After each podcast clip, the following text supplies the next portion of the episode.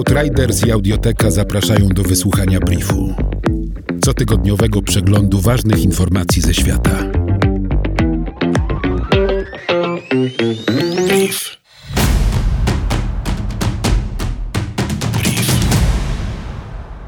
Według analizy działającego w Anglii i Walii Trade Union Congress TUC to mniejszości etniczne najbardziej ucierpiały z powodu utraty miejsc pracy podczas pandemii COVID-19. Około 8,5% osób czarnoskórych mających pochodzenie azjatyckie lub wywodzących się z mniejszości etnicznych BAME Black, Asian and Minority Ethnic było bezrobotnych od lipca do września 2020 roku.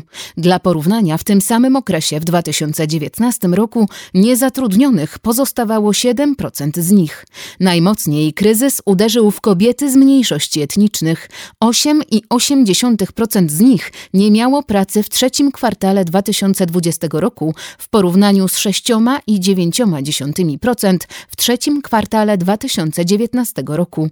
W tym samym czasie stopa bezrobocia wśród białych pracowników wzrosła z 3,6 do 4,5%.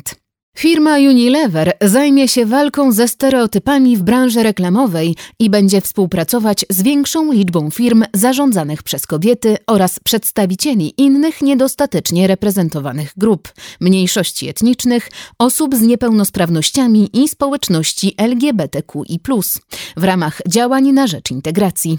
Do 2025 roku wyda na te działania 2 miliardy euro rocznie. Z kolei brytyjski koncern medialny Sky Limited chce, aby do 2025 roku co piąty jego pracownik należał do mniejszości etnicznych i zatrudni w tym celu 1500 osób wywodzących się z BAME.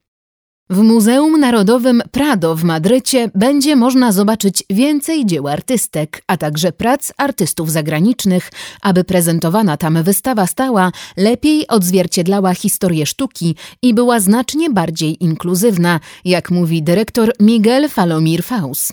W październiku 2021 roku zostanie otwarta wystawa Podróż powrotna, przedstawiająca znaczenie i wpływ sztuki kolonialnej Ameryki Łacińskiej.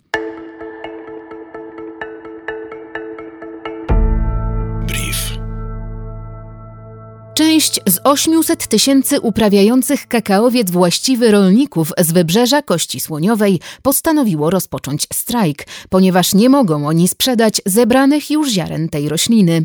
Kryzys związany z pandemią COVID-19 zmniejszył popyt na słodycze, spadł również zakup ziarna przez eksporterów.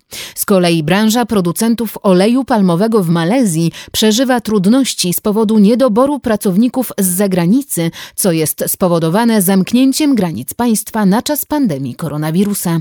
Ponadto ulewne opady deszczu wywołały powodzie i osunięcia ziemi na kluczowych obszarach upraw palmy olejowej.